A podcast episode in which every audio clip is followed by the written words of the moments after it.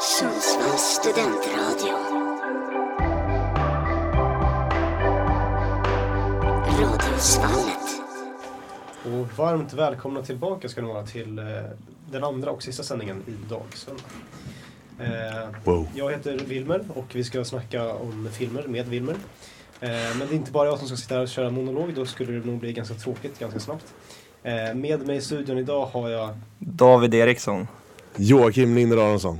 Och Jesper Stridsberg. hur mår vi idag hörni?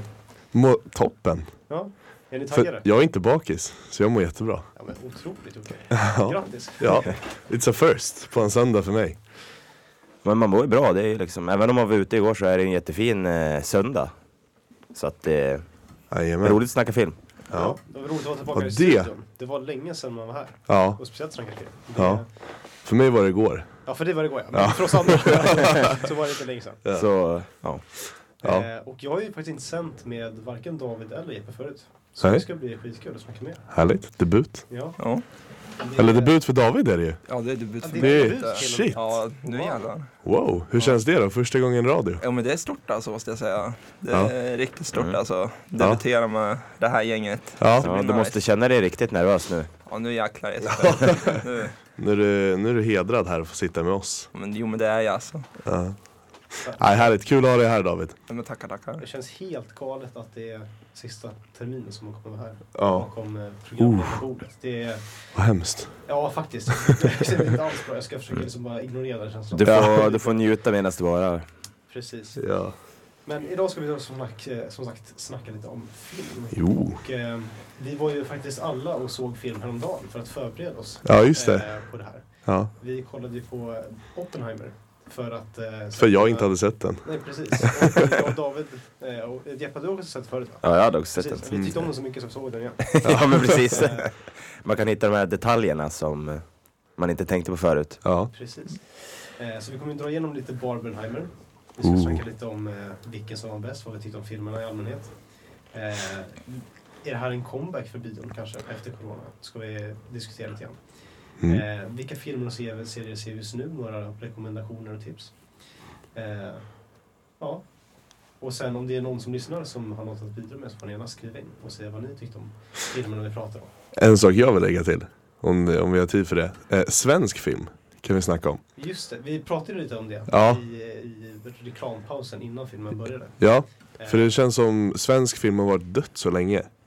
Men nu börjar det kanske lyftas upp lite. Precis, det är flera trailer man har sett för svenska filmer Ja. nyligen faktiskt. Så man tänker bara, jaha, är vi filmer också? Ja, eller? Ja men det är lite så här Hollywood-klass på dem typ. Ja. En eh, svensk Fast and Furious har vi ju på G. Fast den heter inte Fast and Ja, Furious. det- det är inte Fast and Furious men det är, Men det är, typ. många, det är många kända svenska A-skådespelare så att eh, Ja. Bland annat, heter han, David Helenius. Är med där.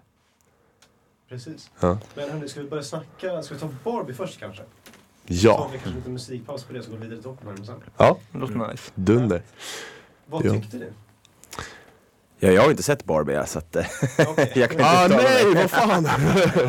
Då kan inte snacka Barbenheimer. Men är det lugnt om vi spoilar sönder den då? Ja, ja, det är lugnt. Eh, för jag tyckte att den... eh, Jag tyckte att den var bra, men jag gillar inte när så här, budskapet blir för mycket on the nose. Sen, den här filmen är också avsedd för barn ska se och förstå vad det handlar om. Så då kanske det måste vara lite mer on the nose. Eh, men jag... Jag vet inte, budskapet är bra, både för killar och tjejer. Eh, men eh, att det var så liksom De kastade budskapet i ansiktet på en och då kände jag lite att så här, då, då cringeade jag Det var bara mest det Tyckte du själva skådespeleriet var dåligt eller själva manuset eller? eh, Nej alltså skådespeleriet var inget fel på. De gjorde ju liksom, det tycker jag att de gjorde bra. Eh, Speciellt eh, Ryan? Gosling. Ryan Gosling gjorde Han, eh, han fick väl tillsagt att han skulle spela helt dum i huvudet och han gjorde det bra. Eh, Han sjunger jäkligt bra också. Eh, för, för att inte tala om I'm just Ken. Eh, Men så skådespelare var inget fel på eh, Manuset kan man säga lite så här. Jag menar Kanske skulle varit lite bättre dialog känner jag. Ehm, men annars, alltså, filmen håller tycker jag ändå. Eller vad tycker ni? Ja, men alltså, jag håller med om att det är, alltså, det det är ett så här fint budskap som de liksom har lagt fram. Det är Ja. ett så här viktigt budskap, men det blir att det blir så här, alltså det återkommer nästan lite så hela tiden genom hela filmen. Ja, Och då blir det till slut liksom lite så här jobbigt att kolla på för det blir som upprepningar i typ hela, alltså mm, så att, ja. Så att jag tycker Barbie är en bra film, men det Mm. blir lite väl jobbigt liksom när det blir så överspelat. Och sen så var det ju så, när jag var så Barbie så var det ju Alltså det var nästan så att jag själv höjde snittåldern känner jag på de som var liksom och såg den. ja, För det var ju alltså mycket så här, typ, alltså det är ju typ, inte riktigt en barnfilm men, ja men ni Nej. förstår liksom en liten så här ämnat för en yngre publik. ja, men det är också så här, det är ju för att både vuxna och barn ska kunna se den där, tänker jag så här. Kunna få katarsis. Eh, för det är väl så det heter, man ska kunna relatera till karaktärerna. Det är precis samma knep som ni gör på så här, eh, så här tecknade Pixar-filmer. Ja. Det ligger lite vuxenskämt. Så Ja, att men de exakt. vuxna Jo. ska kunna skratta lite ibland också. Ja, men det är ju liksom så här. För det är väl det fina med Barbie att så här, äh, mammor idag har ju växt upp med Barbies. Eh, men liksom att man ändå kan använda Barbie för att komma med ett budskap som är relevant idag. Eh, jävlar vad jag har snärvlat in mig i budskap nu. men eh, eh, sen som film tycker jag så här. Man får ha lite översikt med att så här, ja, men barn ska kunna se den och eh, förstå. Eh, så att, eh, ja, ingen toppfilm men den funkar. Ja, nej, alltså jag håller med dig. Att det, man ser ju kanske inte skådespelarnas liksom, det är Briljans. deras fulla kompetens. Nej, exakt. Den är inte Ja. menad för att kanske ta fram det heller. Det som ni säger, det är, det är en bra story. Mm, Eh, bra budskap. mm, Men som säger, lite mycket, mycket in your face det. Jag tycker Mm. att jag föredrar filmen när det är lite mer så här, show don't tell. ja, Eh, när man får liksom upptäcka det själv. Ja. Inte att det är liksom bara prupp, här är det. det är så här. exakt. Här, visserligen så har du flera budskap, vissa som kanske är mer dolda än andra. Mm. Eh, men ja, Ja men alltså så här, tittare och läsare, vi gillar ju att lista ut själva vad allting handlar om. ja, Om det händer något, det är det som är grejen med show don't tell. Att så här, när vi ser någonting då ska vi kunna lista ut så här, ja men det är det här, eller om vi läser det. Det är det här det handlar om. Eh, det här är vad han tycker. Typ att i filmer om vi bara ser ett ansiktsuttryck på en skådespelare, att vi tänker aha, han tänker så. Han säger det här, men hans ansiktsuttryck visar något annat. Han tänker så. Eh, så att eh, det är väl det som eh, så här, blir, det förstörs lite i Barbie känner jag. Men eh, sen är det också så här väldigt grov absurd humor, vilket jag tycker om annars. Eh, och det tycker jag att de gör väldigt bra i den filmen. Att de verkligen så här överdriver med humorn. Och eh, ja men till exempel hur dum Ken är. När han eh, säger saker. Så, ja. Eller vad tycker du Jeppe? Nej det, du har inte sett den.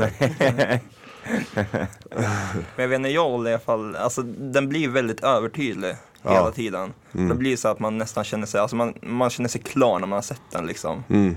Men, ja, men det är ju förståeligt att den är det, men det blir ju lite, alltså det, just för mig personligen så känns det som att jag skulle tycka att den var bättre om den inte var så här övertydlig. Ja. Alltså kring allt. Både kring Ken och själva budskapet. Mm. Men jag förstår varför man gjort det med tanke på att det är ämnat för en yngre publik. ja. precis. Men det, det är väl också så här absurdismen, alltså så här att eh, de är så överdrivna är väl lite så här peak Ja men typ så här när Barbie får celluliter typ. Att alla håller på att dö och blir vettskrämda av att hon får det. Att det är väl ändå så här ganska tydligt att det är ju en peak på hur det ser ut idag. Att folk får liksom panik och att folk ens bryr sig om att folk har celluliter. Eller? Ja, men det blir lite eller, överdrivet. Ja men exakt, men det är det jag tycker ändå de gör bra med just den absurda humorn. Att man förlöjligar lite de här dumheterna som vi håller på med i vårt samhälle idag. Och det här eh, kroppskomplexen och det där. Eh, eller kroppshets.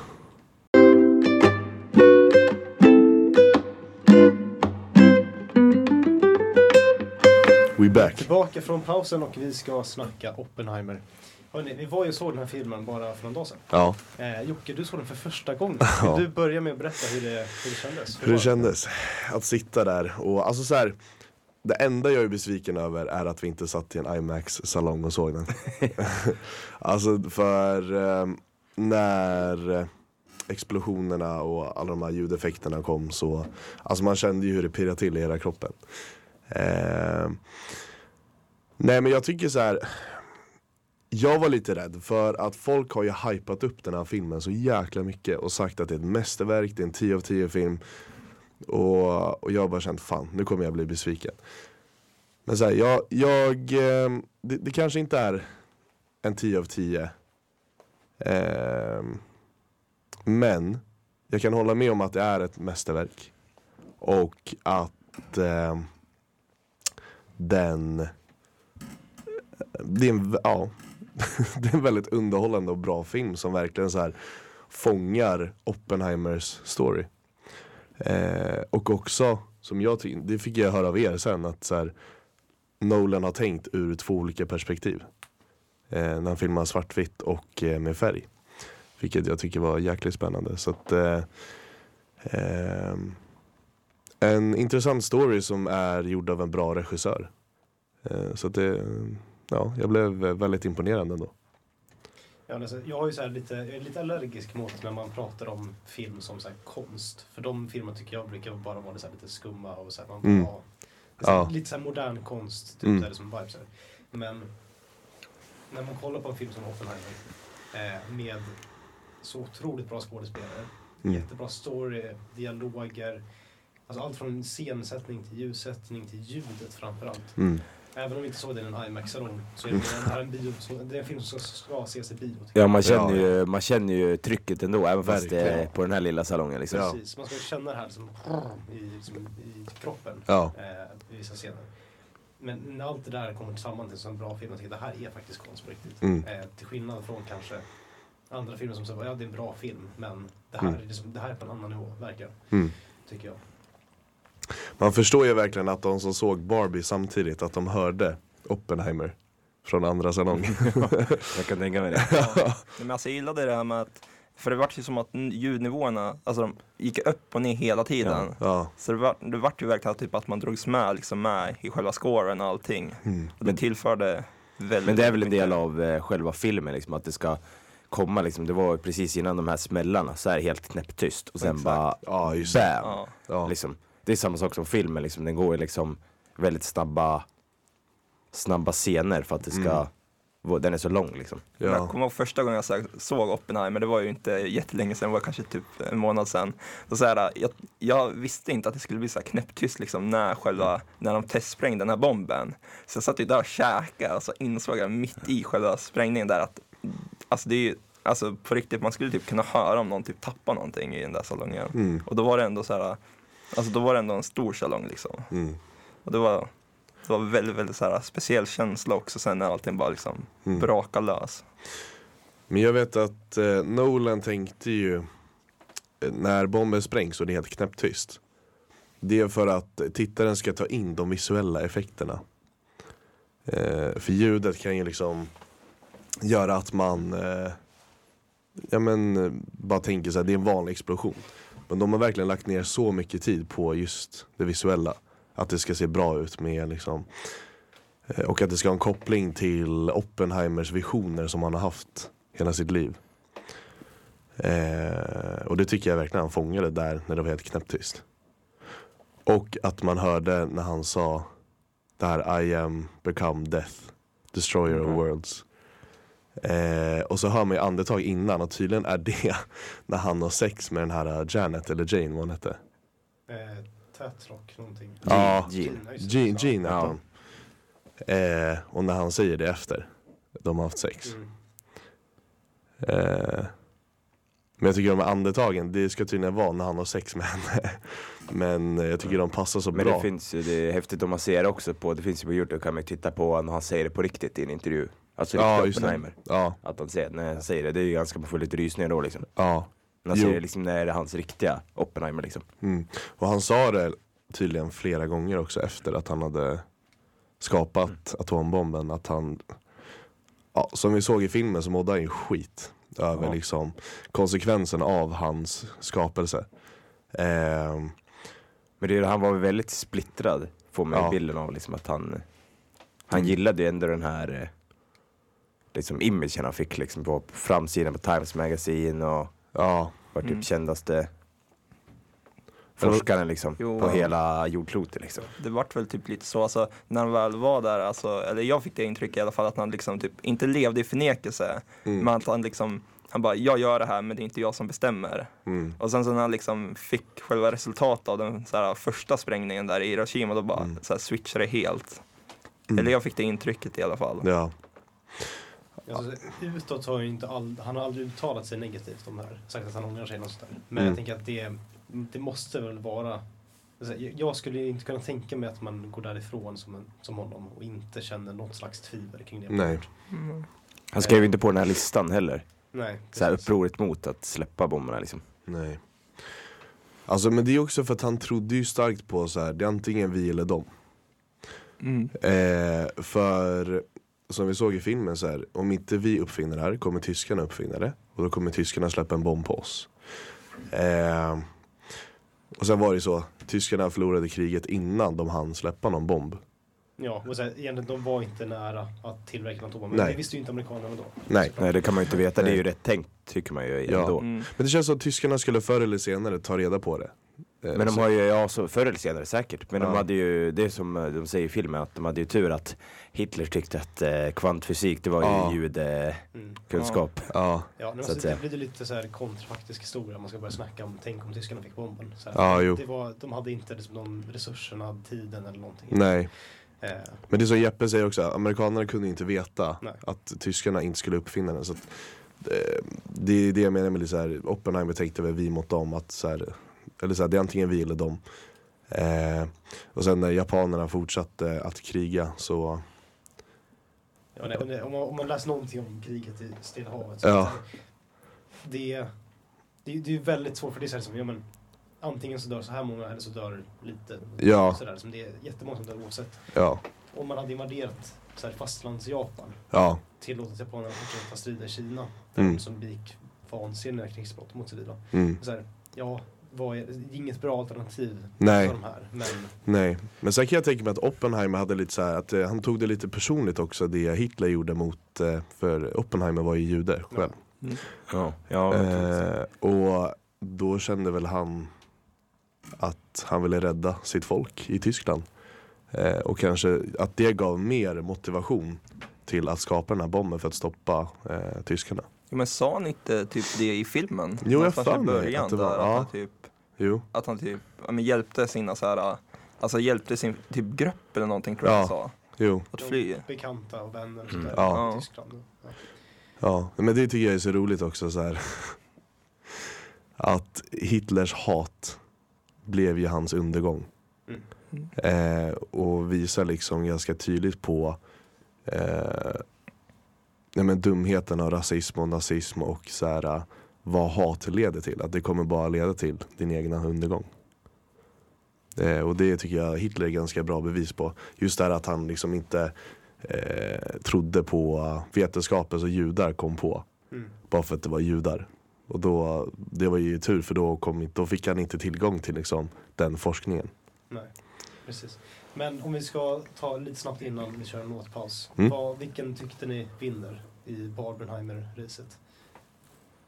Ja, jag Ja, ja. säger. Oppenheimer. ja, jag kan inte uttala mig så att... eh, Ja just det, du måste ju se Barbie först. Ja. Men för mig, alltså så här, eh, jag tycker att eh, det här är också väldigt så här, beroende på vad man tycker.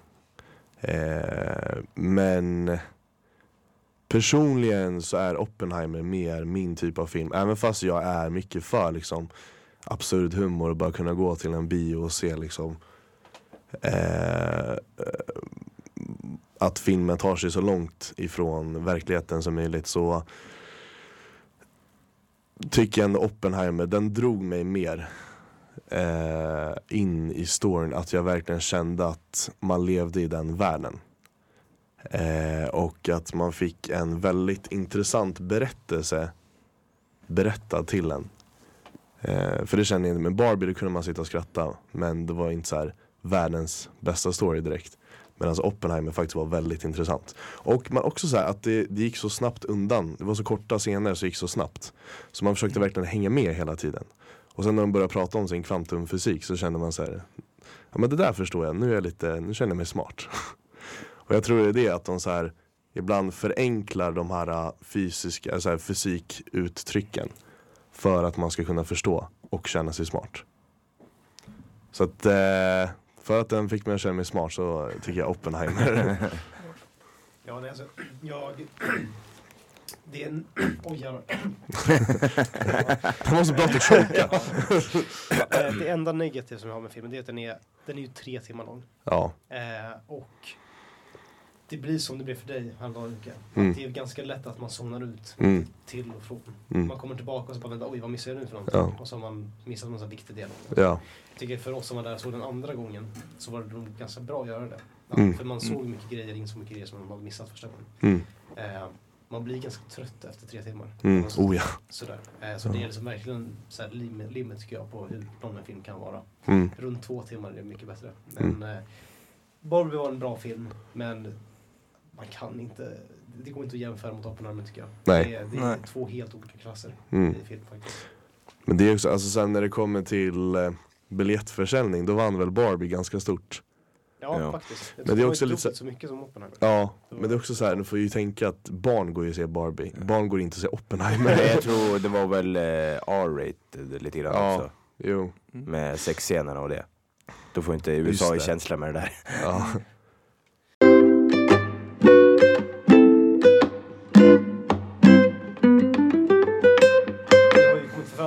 ja, vi har kommit överens om att eh, vi tyckte väl ändå att Oppenheimer var filmen som tog hem det här racet. Mm. Eh, Den vinner Barbenheimer. precis, men det, den var inte helt okontroversiell, eh, Oppenheimer. Nej. Eh, det var ju flera saker som, eh, som den fick kritik över. Eh, och Jocke, du pratade i pausen lite grann om den här sexscenen. Mm. Nej men, eh, nej men jag, jag tycker det är en intressant diskussion det här med sexscener i filmer, om de verkligen behövs. Eh, för många tycker jag men det tillför ändå så här eh, till storyn just det här känslomässiga, eh, intima relationer och sånt där. Men eh, jag menar, vad jag har hört från skådespelare så tycker de att det kan vara jävligt obehagligt. Eh, och liksom vara nakna och låtsas ha sex framför en kamera. Eh, och då, då kan jag bara generellt känna att så här, varför behövs sexscener? Om det nu ändå bara är obehagligt för skådespelarna. Eh, för jag har aldrig riktigt känt att det tillför någonting till storyn. Eh, men det är vad jag tycker liksom generellt om sexscener. Sen i Oppenheimer så jag kände inte riktigt, jo det kanske tillförde just det här, jo den relationen mellan, vad hette hon nu igen? Tatlock. Gene och Oppie. Eh, som Oppenheimer kallas. Eh, man fick ju se lite deras så här KK-relation som de hade. Eh, men, och sen så, det som var kontroversiellt där var väl att de hade sex. Och sen precis efter tar hon fram en religiös skrift. Eh, med, där det står skrivet i sanskrit. Så det här är en religiös, vi kommer fram till, det är hindu, hinduismen. Där det är en helig bok. Det är en diktbok Ja, som, Just det här det. upprörde ju väldigt många Ja. eh, i framförallt Indien. Mm. Eh, för att ja, men man hade, de hade sex samtidigt som Mm. man läste den här boken. Och han verkade lite oengagerad nästan innan han tog fram den här boken. Mm, Eh, så blev det något annat när han hade den fram- framför sig. just det. Ja han låg ju som en död fisk Ja. medan hon eh, juckade mot honom. Var, var, var det att han var helt så här. äh, För han var ju väldigt distraherad av sina visioner som han hade. Ja men precis. Ja, men det, det, det lyser väl åt det hållet. Ja. tänker mig, liksom. Det är väl den känslan man får Ja, av den här scenen. Liksom. ja. Och det är ju det här quotet som han är känd för. Eh, alltså det betyder Ja, just för honom. Eh, men det, man beskriver också deras relation med varandra. Ja. Eh, för det var en väldigt komplicerad relation. Mm. Eh, det var inte som att någon utav dem kanske egentligen ville ha något mer seriöst än de hade. Nej, Men det var också lite till och från. Hon mådde ju inte bra Nej. psykiskt. Mm. De gillade ju varandra väldigt mycket. Liksom. Precis. ja. Eh, men han hade ju an- sin fru senare. Han Mm. hade någon affär vid sidan av också. Mm. Eh, Ja, det var ju, de berättade ju om det. Mm. Precis. Och sen Och han så- var ju, han, han var ju väldigt arrogant då. Men Ja, han, han sa ju att han, eh, vill säga, han, han bara, han bara, ja men han bara sa att eh, hennes man visste ingenting liksom. Nej, precis. De, Ja. Han dog av hjärtekross och han bara, nej det är inte möjligt. Och de bara, vadå? Ja, men han kände inte till det. Man bara, nej, okej. Betyder Ja. det, är fort, det är fortfarande inte liksom helt okej. Ja, han har ju inte alla liksom, han har ju mycket hemligheter för sig liksom. ja. Och det är det, Är det allmänt känt att han hade en affär? ja, Vet man om det? ja, ja. Ja. Men det är liksom, det är också det här kontroversiella också, lite mer inte kontroversiellt, det är ju det här också att med hans, ja, älskarinna Jean eh, Tatlock att, eh, ja när hon blev eh, mördad i filmen liksom. Mm. Ja, men- Att det, det visar två olika sidor. Precis. För Och ena sidan så dränker hon sig själv. Mm. Andra sidan så ser man någon som håller ner henne. Eh, Mm. Och det är ju, Mm. mm, det är fortfarande teorier om det idag liksom. Ja, men Att det- man var det vara- amerikanska myndigheter som, eh, som mördade henne, eller så tog hon självmord för hon mådde dåligt liksom. Mm. Hon mådde förmodligen dåligt också men Ja. man kan aldrig, det kommer, vi kommer nog aldrig få veta. ja, det är svårt att veta för man, man ser ju liksom under filmen, hennes ehm, så karaktär är ju, hon har psykiska problem och mår piss. Så att det, är ju, det ökar ju trovärdigheten att hon tog livet av sig men samtidigt så var hon eh, ganska engagerad i ett kommunistiskt parti och vi vet ju hur jäkla nojiga ehm, USA var på den tiden. Och speciellt när Oppenheimer träffade henne. Ja. Kanske inte bara en gång, vem vet. Ja. Det, filmen har ju två parallella handlingar. Det är ju delvis arbetet fram till bomben. Och sen så är det utredning kring när han får, eller ska eller ska inte få sitt eh, säkerhetstillstånd indraget. Mm. Det har ju mycket att göra det här som vi pratar om. Med Mm. att han var involverad i eh, med kommunistpartiet. Mm. Och det var ju inte ja, helt okej på, Nej. i USA på den tiden. Mm. Men man får vara snabb. Om man ska säga, när, under den scenen när hon då dör. Att eh, man fattar ju att hon dränker sig själv. Den, det ser man ju tydligt. Men sen så är det bara i typ en halv sekund sekvens av att man ser någon hålla ner hennes huvud med ett par svarta handskar. Men, exakt, alltså man ser den där första scenen. Ja. Eh, jag kommer ihåg den första gången jag såg Oppenheimer. Alltså Mm. man ser att hon tar fram den här, vad är det, pillerburken och vad det är. Mm. Mm. Och typ tar piller. Och sen tänker man ju bara, Ja. Liksom, hör, sen när man vet liksom om, liksom, för de säger väl innan tror jag att hon har liksom, att hennes farsa hittade den i badkaret. Mm. Och sen när hon liksom tar fram den där pillerburken, alltså jag zonade ju ut då första gången. Mm. Så jag tänkte inte ens på den där liksom, men de där handskarna som kom. Mm. Men det var liksom så här nu andra gången när Jeppe sa det, när vi hade gått ut bara, kommer du ihåg det där? Bara, ja det var det ju. Ja. Liksom. Ja. Ja. Men det är ju det, det är liksom, det ska ju möjligheten att amerikanska myndigheterna kunde göra så. På den tiden. Ja. De kanske vill liksom, det var ju störande moment för Oppenheimer liksom. Mm. exakt. Att han drog iväg liksom och, med en älskarinna som hade kommunistkopplingar och sen liksom, ja, Mm. under själva byggandet av bomben. Ja. Jo men det var de ju väldigt tydliga med också i filmen. Mm. Alltså mycket, jag, my, eller jag tycker i alla fall att mycket liksom, ja men första halvan av filmen när han väl ska göra den där bomben. Alltså, mycket, alltså en stor del av filmen är ju att liksom den här kopplingen mellan kommunistparti och det är väl andra halvan också för vissa. Men just Mm. den första halvan är att du kanske inte får göra det här om du liksom har kontakt med henne. Nej. Och sen att han drar iväg liksom och träffar henne och sen bara så här, Mm. men köttar deras relation helt efter. Mm. Men det var ju lite, han var ju lite eh, arrogant av sig liksom, han ville göra som han ville, han ville inte bli styrd liksom. Nej. Det är som, eh, liksom han, eh, han vill inte, han, efteråt så vill han inte så här erkänna att det var spioner där liksom. Fast det Mm, var ju en del spioner, det vet man ju om. Ja. Typ Klaus Fuchs och så här, men han bara, nej men det är vettiga forskare liksom. Fast det är ju, folk spionerade ju. Han ville Ja. göra på sitt, ja, men han ville göra på sitt eget sätt alltså. Han ville Mm. ju, ja, men dels det här med att han kämpade med att få dit sin brorsa i så här två år eller vad det tog. Mm. Och så liksom, jag menar alltså att han förnekar liksom saker han visste att han skulle hålla på och rönda det där förhöret med någon person, att han skulle liksom skapa typ en egen historia med att han skulle hjälpa någon annan och så. Mm. När det, det var någon militär tror jag han pratade med. typ. Ja, han skulle göra cook and ball story. Så ju. exakt. att han skulle, han skulle ge upp en person men det slog lite bakslag liksom, när han gav Ja. till den här galningen liksom. Typ. Men jag tycker så här, att han var så på om att han skulle ha sin brorsa där. Mm. Det, alltså så här, ja, det är, familjen nära är alltid bekvämt men varför var det så jävla viktigt att han skulle vara där? För han var ju inte forskare Brorsan var inte forskare. Jo, det tror jag. Var han det? Ja, Ja. Fast inte på samma nivå. Nej. Nej. Aha, okej. Då var det bara jag som inte hängde med där. För jag kände bara att det var onödigt för att brorsan var ju tidigare engagerad i det kommunistiska partiet. Jag tror att det blir just därför han ville ha brorsan, där med att han ville hjälpa alltså, brorsan upp. För Ah, det verkar som okej. att brorsan gjorde en sån här liten typ downgrade. Mm. Med att han fick ett så här dåligt rykte. Ja, han var ju inte, han var ju inte speciellt intresserad av hans eh, brorsas fru liksom. Nej, Nej. exakt. Så det var inte bara för jävlas med äh, amerikanska underrättelsetjänsten att han äh, bjöd dit en kommunist. Nej men jag tror, jag tror han, jag fick det intrycket i alla fall i filmen att han och brorsan hade en väldigt så här nära relation. Alltså typ, ja men Ja. det var liksom, ja men det var möjligtvis Ja, det var liksom, väldigt när- nära. Han hade ju hoppat av också brorsan när han bjöd Mm. liksom. Jo men exakt. Men det är ju, bara med något att göra så blev ju så nöjd på den tiden liksom. Mm. Mm. Men hörni, eh, har ni sett några andra filmer eller serier? Ja, Som, nu har vi- som ni skulle vilja tipsa om? Ja. Nu har vi snackat för mycket om Barbenheimer.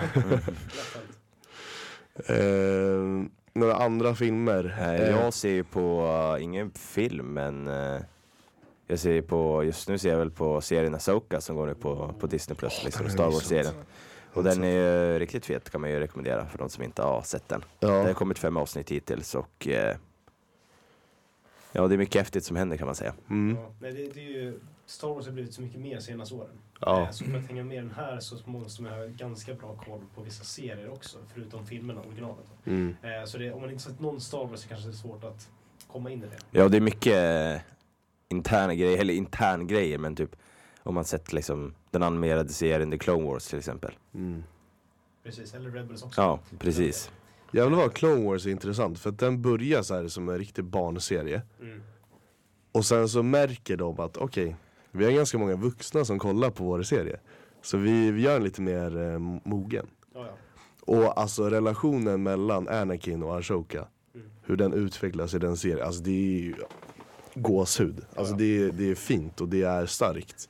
Och det, det utvecklas så mycket både i liksom storywritingen Mm. och animationen framförallt. Mm. Det går inte att jämföra säsong 1-2 med Nej, nej, nej, Alltså, nej. sjuan, det, det är bland det bästa animerade som finns. Mm. Ja men det, det, det är riktigt fett alltså. Ja. Att, eh, otroligt. Mm. Och det är, vi kanske inte ska spoila för mycket men eh, det finns lite den relationen i Asoka, nya Asoka-serien. Precis. Det är, det är Mm. fler karaktärer som man känner igen som kanske gör ett appearance. Mm. Eh, det är väldigt bra gjort. Man har ju använt lite DG och sånt där.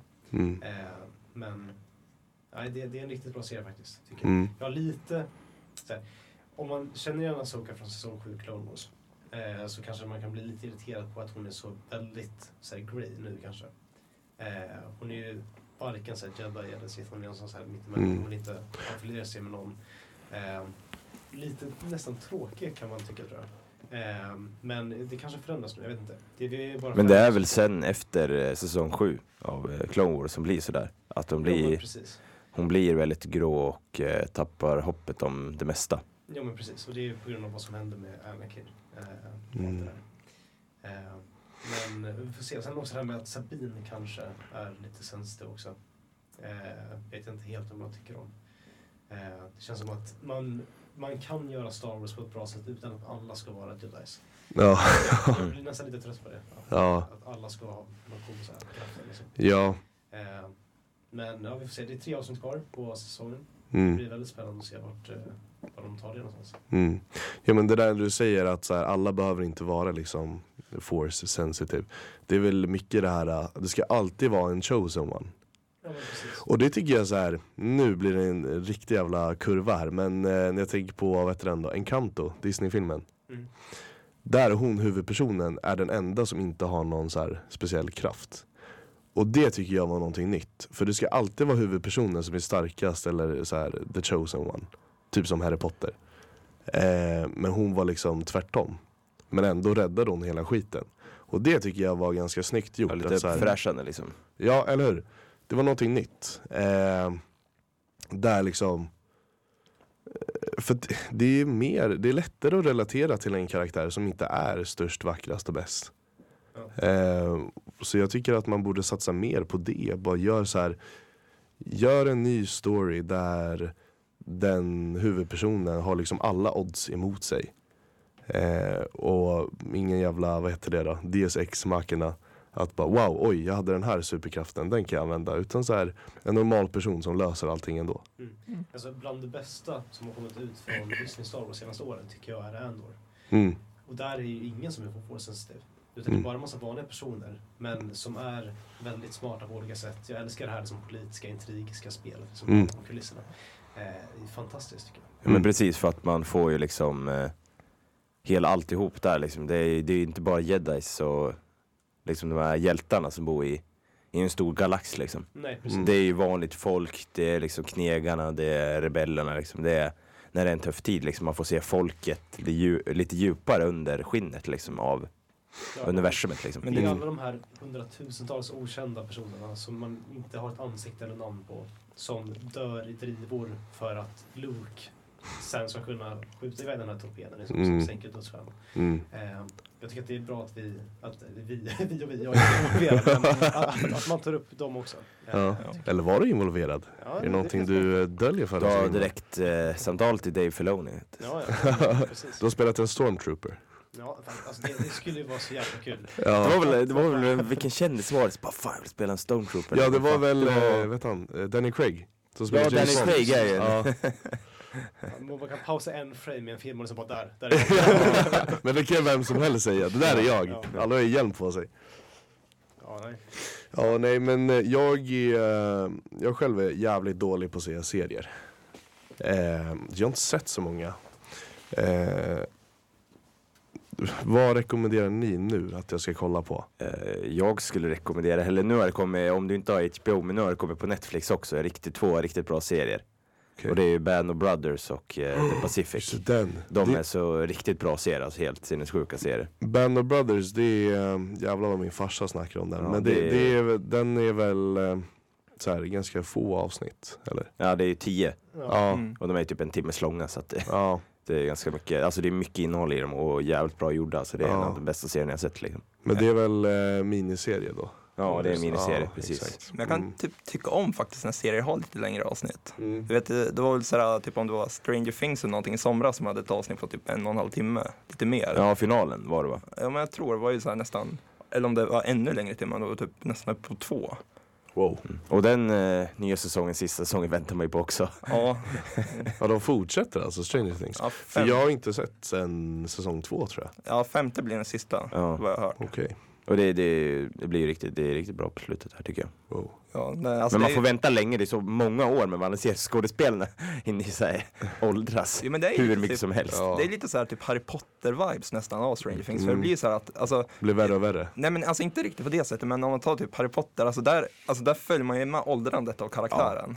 Liksom det är hela Men skolgången. det blir ju värre och värre också. Ja, det Ja. blir det också. Men, Ja men alltså Harry Potter, den tycker jag, det är så jävla bra gjort. Ehm, för att det blir ju så här. Det var också lite, tror jag, att J.K. Rowling insåg att hon hade lite äldre publik. Ehm, men också att eh, de som läste första Harry Potter var ju mycket äldre när de läste sista Harry Potter-boken. Ehm, så samtidigt som karaktärerna utvecklades, utvecklades man själv som läsare eller tittare när man såg filmerna. Ehm, och därför tycker jag också att de gör det så bra i Harry Potter-filmerna. Att så här, innan första filmen är så här, jättemycket färg, eh, Harry Potter är ett barn, han upptäcker den här nya världen, eh, det är gulligt, eh, lite som en så här, julfilmskänsla. Eh, och sen så tvåan, ja men lite mord eller så här. Eh, det börjar bli lite mörkare. Och sen så liksom de sista filmerna, då är det ju grått. Eh, alltså då är det liksom, för då kommer ju Voldemort och ska förstöra eller döda alla Half-Bloods och eh, det är verkligen mörkt. Och de verkligen sätter den tonen på filmen för att liksom förmedla att nu är det krig. Och det tycker jag är så, det är så snyggt gjort. Det är som, jag tycker sådana baktankar är så fina när det kommer till film. Mm, jag tycker det är lite så här, det, det är lite som vi snackade om innan, att det finns vissa detaljer som typ är lite så här smått ämnade för en så äldre publik i en liksom, film som är för en yngre publik. Mm. Jag tänker så här, typ första Harry Potter-filmen, jag kommer inte ihåg när jag riktigt såg den första gången, men jag var väl kanske så här, typ 9-10 år. Ja. Liksom, alltså det är ju någon scen där då typ, han hittar den där spegeln, Mm. där han kan se liksom vad som liksom Ja, Han- precis. kan se i framtiden och så ser han sina ja. så här, döda föräldrar. Mm. Det är en sån här scen när man var typ 10 eller 9 kunde man inte. Alltså man kunde inte så här, man kan inte förstå sig på den, men nu när jag såg den typ i efterhand för något, ja men typ i somras eller vad det var, då blir det Mm. så här annat. Ja, man blir gråtfärdig. Ja men För- typ. Den spegeln visar väl vad han vill, Jag vad han drömmer det. om. Och hans dröm är att få träffa sina föräldrar. Ja. Typ. På tal om filmer som man har sett. Eh, Ja. Jag såg faktiskt en film igår kväll. Okej. eh, som jag måste rekommendera faktiskt. Det är, I somras så jobbade jag i Karlstad där mina kusiner bor. Eh, vi gick och såg en film som heter Atomic City. Är då, eh, av eh, Wes Anderson. Tyckte att den var så här, eh, okej, men inte Ja. jättebra. Men han sa, ja, men den här regissören är min favoritregissör. Han har gjort en film som heter Grand Budapest Hotel. Ja. Så igår så scrollade jag igenom Disney Plus här och så bara, fan den där kanske man ska se. Så, här. så satte mig och kollade på den. Och oj, oj, oj vilken film alltså. Grand Budapest. Grand Budapest Ja. Hotel. Otroligt, alltså så här, storyn, dialogen är otroliga, karaktärerna Mm. är jättebra. Eh, det är typ så här lite, lite serietidningsaktigt nästan på vissa ställen. För det är så här mycket så här kulisser som är i bakgrunden. Typ. Så det är, så, Mm. det, är- det är ingen så här jätterealistisk film sådär. Mm. Eh, men det, alltså jag tror att den hamnar ändå på, på min topp 10-lista av filmer någonsin. Oj, till, och med, till och med det liksom. Men Ja.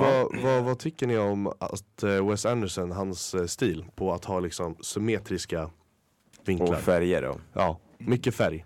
Jag, vet inte, jag har inte sett så mycket Wes Anderson-filmer så att... Eh, Alltså, inte alls, för mig så var det väldigt så här, refreshing att se det. För det är väldigt Mm. annorlunda än jag brukar se. Ja, Eh, så jag men- blev väldigt så här, fast för det. Mm. Eh, så det man lär ju se några till filmer honom. ja, det är därför man skulle vilja se Atomic City om det kommer på någon Ja. streamingtjänst kanske. Och sen, eh, ja många skådespelare vill jobba med han. Ja. Bara Ja. ställs upp på rad bara för att han gör sådana här speciella filmer liksom. Men det är det jag tycker, jag tycker om när regissörer har en egen stil. Typ såhär när man ser en Wes Anderson-film, ja men så här, symmetriska vinkeln, mycket starka färger, då vet man det är en Wes Anderson-film. Eh, är det en eh, film som är filmad i, vad fan heter det? Nolan typ. Ja, En Nolan, det, typ. ja men det är såhär, det, Oppenheimer är typiskt Nolan-film. Eh, och eh, eh, när jag tänker på Tarantino så är man ju direkt så här extra blodigt våld. Eh, filmat i, vad heter formatet, det här gamla. Väldigt avlånga. Ja exakt. Eh, och att det så här, äh, kommer så här text skjuts in i skärmen. Eh, man ser direkt att det här är en Tarantino-film. Och jag älskar det med regissörer, så här, kända regissörer. Där man ser att den här filmen är gjord av den här personen. Eh, så ja. Det, det tycker jag är snyggt med Wes Anderson också. Att, eh, och jag, gillar, jag ska också tillägga det att jag gillar Grand Budapest Hotel. Det är en jäkligt Ja. bra rulle. Väldigt högt på Ja. rekommendationslistan där. Om Mm. ni inte vet vad ni ska göra idag så kan ni ta Ja, det kanske blir en filmkväll. Ja.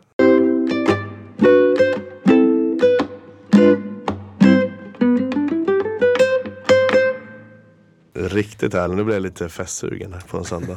Nej, jag vet inte om jag håller med riktigt. Jeppe är ju... Fan hur länge var du ute igår? Eller får man säga det i radio? Ja, det Ska vi, ska vi låta det vara osagt? Nej, men eh, hörni. Eh, Jocke, vi pratade lite grann om svensk film. Mm. Som vi har lagt märke till att det kanske kommer lite mer av nu.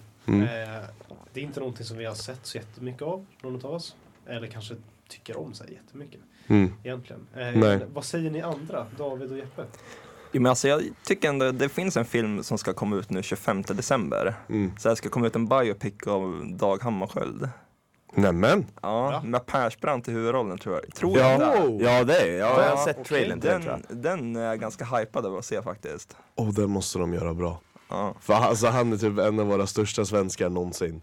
Ehm, så jag vill att, precis som Oppenheimer, att de ska berätta hans story på ett bra sätt. Alltså P3 Historias avsnitt om Hanna själv. Alltså. Ja, ja verkligen. Skitbra. Vad- P3 Historia, shoutout. Jag satt och läste lite om den igår, så här, vad det verkar som är att det ska vara ganska nischad på de här sista månaderna av livet, så här nio typ månaderna. Mm. Men att den ändå ska liksom vara en, alltså berätta om hans liv. Mm. Och ja, alltså jag, jag, jag tror att den kommer vara riktigt bra faktiskt. Det känns Mm. som en film man skulle kunna lägga ner ganska mycket krut på Mm. och få bra. Ja. En eh, svensk ikon som jag tycker att man borde göra film på är, eh, och vi som journalister kanske kan, eh, vi kanske är lite biased, men eh, vet hon, Anna Blenda Nordström. För hon, också ett avsnitt i P3 Historia om henne, om eh, någon vill lyssna på det. Men eh, hon är liksom också så här. hon satte väl lite grunden för grävande journalistik. Och hade väldigt kontroversiella taktiker. Bland annat så gifte hon sig med en man och låtsades vara kär i honom bara för att eh, hon skulle få reda på lite information om hans här, arbete och liv och sådär. Dedication alltså. Ja, det, det där är grov dedication. Det kan inte vara kul att ha honom men alltså, Nej, alltså ändå. han krossade ju hjärtat, när, eller hon krossade hjärtat på honom när han fick reda på det. Eh, men så att väldigt kontroversiella taktiker som man kan tycka vad man vill om. Men eh, vi säger ju idag Wallraffa. För att eh, den här journalisten Wallraff började ju göra så här infiltrerande journalistik. Men Anna Blenda Nordström var först. Så jag tycker vi borde säga Blenda. När vi infiltrerar. Eh, men hon är i alla fall en journalist som jag tycker man borde göra en film om. För hon har en intressant story. Och sen eh, tänkte jag säga, gå vidare då på, på filmer. Så såg vi som den här trailern vi såg när vi var på Oppenheimer. Svenska Fast and Furious. Ja, Ett sista race där med Ja, David jävlar. Helenius och Jonas Karlsson. vilken rulle det verkar. Så det, vi får se om det, det är bra kom, komedi liksom så att säga som man ska garva åt. Ja, men alltså trailern visade ju, jag tyckte ju trailern var skitkul. Ehm, så det är väl så här typisk svensk humor kombinerat med ganska häftig action. Alltså de, de verkade ju ha verkligen så här Hollywood-scener. Typ ett exempel när de kör den här polisbilen och kör under en lastbil och hela taket flyger av. Mm.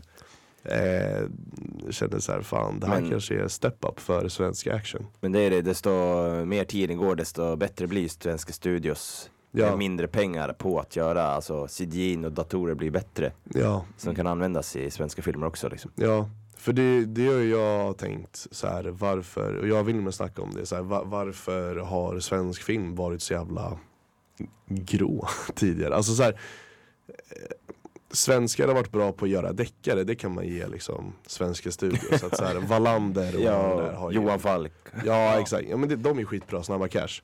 Men, eh, eller räknas Snabba Cash som en deckare? Kanske inte. Nja, Nej, det är ingen deckare. Heller med det, ja kanske. det är lite samma stil men Ja, inte riktigt. Nej. Ehm. Nej men så jag tycker att så här, Sverige har gjort bra filmer men det har varit någonting som fattas. Någonting som liksom, de andra länderna gör så mycket bättre. Eh, och jag, känt, jag har tänkt mycket på så här, fan kan inte Sverige bara göra en bra actionfilm? Och så, jag och Wilmer satt när vi kollade på Oppenheimer innan, när reklamerna kom, så satt vi och pratade om att så här, fan svensk film är så dålig i jämförelse med andra länder och så kommer de här trailersarna på liksom, vet du, den, avgrunden. Så här riktig katastrof. Ja det såg jäkligt, effekten bra såg jäkligt Ja. bra ut där alltså Ja. i, var det Kiruna eller vad det var? Ja. exakt. Ja och sen svenska Fast and Furious. Men så här, det vill säga med avgrunden är ju att problemet med den, som jag märkte redan i trailern, är tyvärr det svenska språket. Eh, och Wilmer du sa ju så att eh, i svensk film att det, det händer ofta att de överskådespelar. Ja, nej, alltså, Mm. det är något som jag också hört och liksom direkt resonerar med. Mm. Att det, det känns som att svenska skådespelare också ofta är utbildade liksom för teateriskt. Mm, för exakt. Ja. Det, det är för mycket liksom ändå på något sätt. Ja, Det är svårt att förklara men det Ja. känns som att de spelar teater och inte film. ja. Eh, Ja, men jag, jag som har jobbat på filmproduktioner tidigare ser ju lätt det. Eh, för de som inte vet så har jag pluggat film tidigare. Eh, och inte för att trampa någon på tårna som jag har jobbat med ifall den personen skulle lyssna. Men man märker lätt när det har varit någon som har pluggat teater. Så märker man lätt när de har skådespelat. okej, jag ser var du kommer ifrån. Jag ser att du har pluggat teater.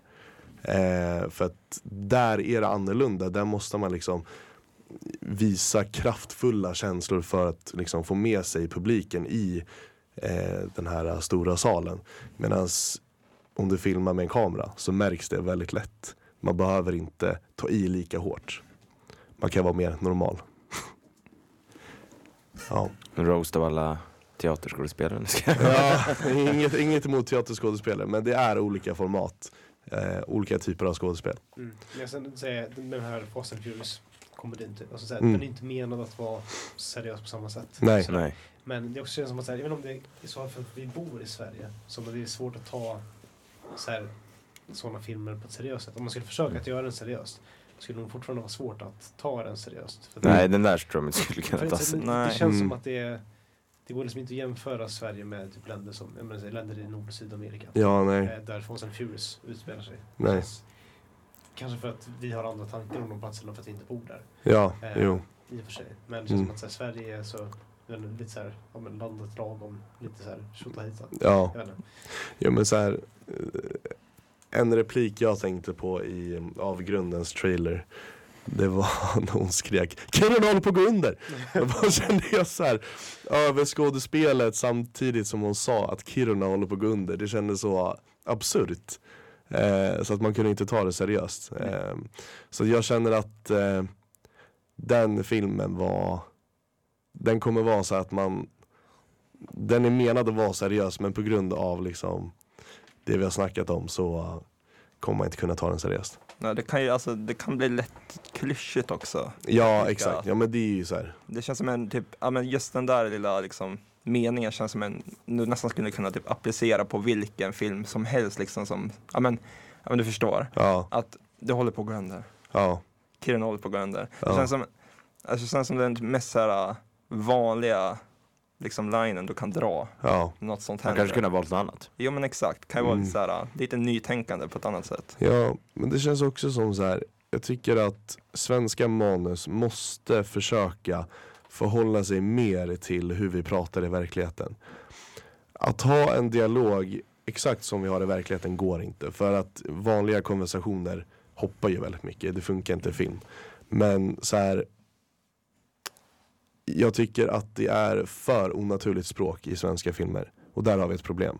Så här, i- ingen, jag vet inte fan om någon skulle skrika på riktigt, Kiruna håller på att gå under. Det känns väldigt mycket så här, berätta för tittaren, Kiruna håller på att gå under. Ja men Eh, det kan jag hålla med jag tror mer Just så här, om det sammanhanget. Ja, om man ser liksom marken faller isär, då ropar man ju så här, fy helvete vad är det som händer? Eh, Lite mer så här eh, Naturligt. naturligt, exakt. Ja, Känner jag. Vi hoppas väl att svenska studior inkorporerar mer vad man ser utomlands. Liksom. Ja, Eh, exakt. För det, tror Men det, det, det, det är på gång tror jag. Alltså det, Mm. Ja, det blir bättre när tekniken blir bättre. Det känns bara att det, ja. det är på gång mot något nytt liksom. Ny Jo. era liksom i svensk film. Men också så här, när man tänker språket så tänker jag också, har ni sett Snabba Cash-serien? På Ja. Netflix. Alltså så här, eh, jag tycker att de har bra skådespelare som kan representera liksom så här, ja men lite så här eh, ortenkultur och sådär. Men hon, huvudskådespelaren, vad heter hon? Evin eh, Ahmad, eller vad heter hon? Eller jag tänker karaktären. Jaha. Eh, Men, men vi kan ta eh, hennes riktiga namn. Eh, hon... Eh, det är någonting när hon pratar. Man märker att hon, är, hon gör sig till. Att låta mer liksom så här, ja men prata mer ortenslang. Och så hon säger typ varannan mening bara alltså, det är fuckat, det är fuckat, jag är fuckad. Alltså ingen säger så. I alla fall sättet hon säger det på. Jag vet inte. Vad tycker ni? Jag vet inte, en som jag tycker gör det jäkligt bra i den där äh, serien, det är vad heter han, eh, men gud vad heter han som är där, typ ledaren i det där gänget? Eh, ra, ra, fan hette han? Något Ja, Rami. Ram. Rami heter han. Hette han det? Ja. Ja, eh, Ramsey? Nej vad fan, någonting Ja sånt. men någonting heter han, Ja. någonting liksom, ja i alla fall. Han, alltså, jag vet inte, han typ äger typ så här varje scen känns det som Mm. i den där Ja, filmen. men han är i skitbra. serien. Han, alltså det är så här, det är typ, alltså det är typ bland det faktiskt bättre jag sett så här, i Ja. svensk serie. Verkligen, alltså, sen, han, han eh, känns naturlig. Och sen Ja. eh, tyckte Slim också ganska bra om Han var skitbra. Ja, Ja. och liksom just det att han visade, han, man ser ju på känslan att han mådde piss liksom. Och det är väldigt bra så här, eh, uppvisning av hur det är att leva i den världen. Ehm, så jag tycker så här, han vann väl typ Kristallen eller vad det var. Han som spelar Salim. Jo men jag tror det. Ja, och det var välförtjänt. Och jag tycker också han som spelade, ja, eh, bossen där, vad fan hette han? Ra. Jag försöker komma på fortfarande vad han heter. Men eh, han, gjorde, alltså han var också så här jättenaturlig. Man märker liksom att han har koll liksom. Eh, sättet han pratar är bara naturligt och det är därför man förs in i den storyn. Och där, även fast han är en psykopat som är helt jävla galen så kan man ändå på något sätt sympatisera med hans liksom, liv. Ja, alltså, vi kan ju göra bra film. Ja, Så jag tänker så här, Kalifat, Tunna blå linjen. just det. Skitbra serie Ja, som har kommit från Sverige senaste åren. ja, Eh, Det är bara problemet att de är så deprimerande.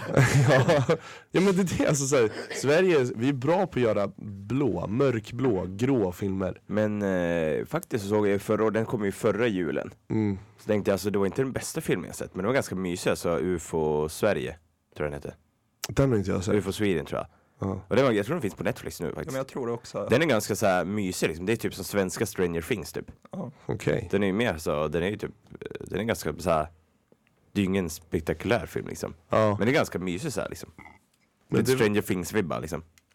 det är väl de um, Poesi för fiskar som har gjort den. Ja men precis. Deras, de har eh, något annat namn nu men De har gjort den här uh, midsom... Nej vad fan heter den? Ja, vänta. Det är någon så här, krigsfilm typ, när det är krig i Sverige. Men Det är någonting midsommar, vad heter Ja, någonting. eh, Nej, eller typ så att du... det? Du gamla du fria. Heter den inte så? Nej, men det är den Nej. sommarlåten, vad fan heter den Men då? fan, heter inte, inte den? Eh, jo men sommartid, nej vad fan heter låten? ja vi får uh, klura på det men eh, eh, Där var liksom, känner jag, ändå början på det här att försöka göra någonting nytt i Sverige. Sen tycker inte jag att man måste liksom härma andras filmkulturer. Jag tycker att Hollywood har ju liksom monopol på hela filmmarknaden. Att det, det liksom, alla strävar åt att vara som Hollywood. Och det tycker inte jag att man behöver. För så här, Hollywood kan också bli jävligt tjatigt att det kommer samma jävla film hela tiden. Och därför tycker jag om att se filmer från andra länder. Typ så här, jag tycker Sydkorea har skitbra filmer. Till exempel Oldboy, Parasite. ehm, ja, och där känner man, snart kommer liksom Parasite få en amerikansk version för amerikanerna ska liksom ta över allt. Ehm, men Men, så det, att- men det är som Squid Game nu, vet, amerikanerna älskade den liksom. Ja, ja, Squid Game också skitbra Ja. från Sydkorea liksom. Ehm, så, eh, men jag tycker ändå att man, man kan ha sin egna nisch. Men jag tycker just när det kommer till Sveriges nisch är den ganska tråkig. Jag tycker att vi behöver någonting nytt. Jag vet jag såg eh, nu så här, när jag var inne på SVT Play faktiskt. Ja. Eh, så här, förra veckan tror jag det var. Eh, de har ju tagit tillbaka så här, vissa serier från så här, kanske, ja men det var en som heter Springfloden som kom typ 2015. Okej. Den har de lagt på SVT Play. Jag såg igenom den faktiskt. Alltså, Det är, alltså, det är en sån här riktigt, riktigt bra serie. Mm. Den så här, handlar om typ en så här, ja men så här, Kjell Bergqvist typ. Han är så här hemlös och så är det någon så här polisstudent som ska men, göra något fall och, eller ja, de får något så här mordfall. Okej. Så kontaktar hon han och liksom de börjar lösa det där tillsammans och så. Mm. Vad hette den sa du? Springfloden tror jag den Springfloden, heter. Okej. Ja. Ja, jag får mig ganska hypad när den kom liksom. Ja. Så summan av kardemumman. Svenska skådisar. Tona ner ert skådespel i filmer. Ehm, och så ska det vara bättre, bättre dialog. Eh, och ehm, att svenska filmstudior ska testa någonting nytt. Ja. Jag tror att med de orden så får vi nog faktiskt säga hejdå för den här veckan. Vi har dragit över lite grann på tiden faktiskt. Och jävlar. Eh, men vi får ta ett till filmsnack. Eh, Ja, någon gång, 100%. tycker Det finns mycket Ja. intressant att prata om. Verkligen. Precis. Eh, men ja, om det är några ettor som lyssnar så får ni verkligen se till att hålla koll på sociala medier. Eh, och komma Ja. på nästa radiomöte och eh, komma hit och snacka med oss tycker jag. Mm. Eh, för det är någonting som ni inte får missa när ni pluggar.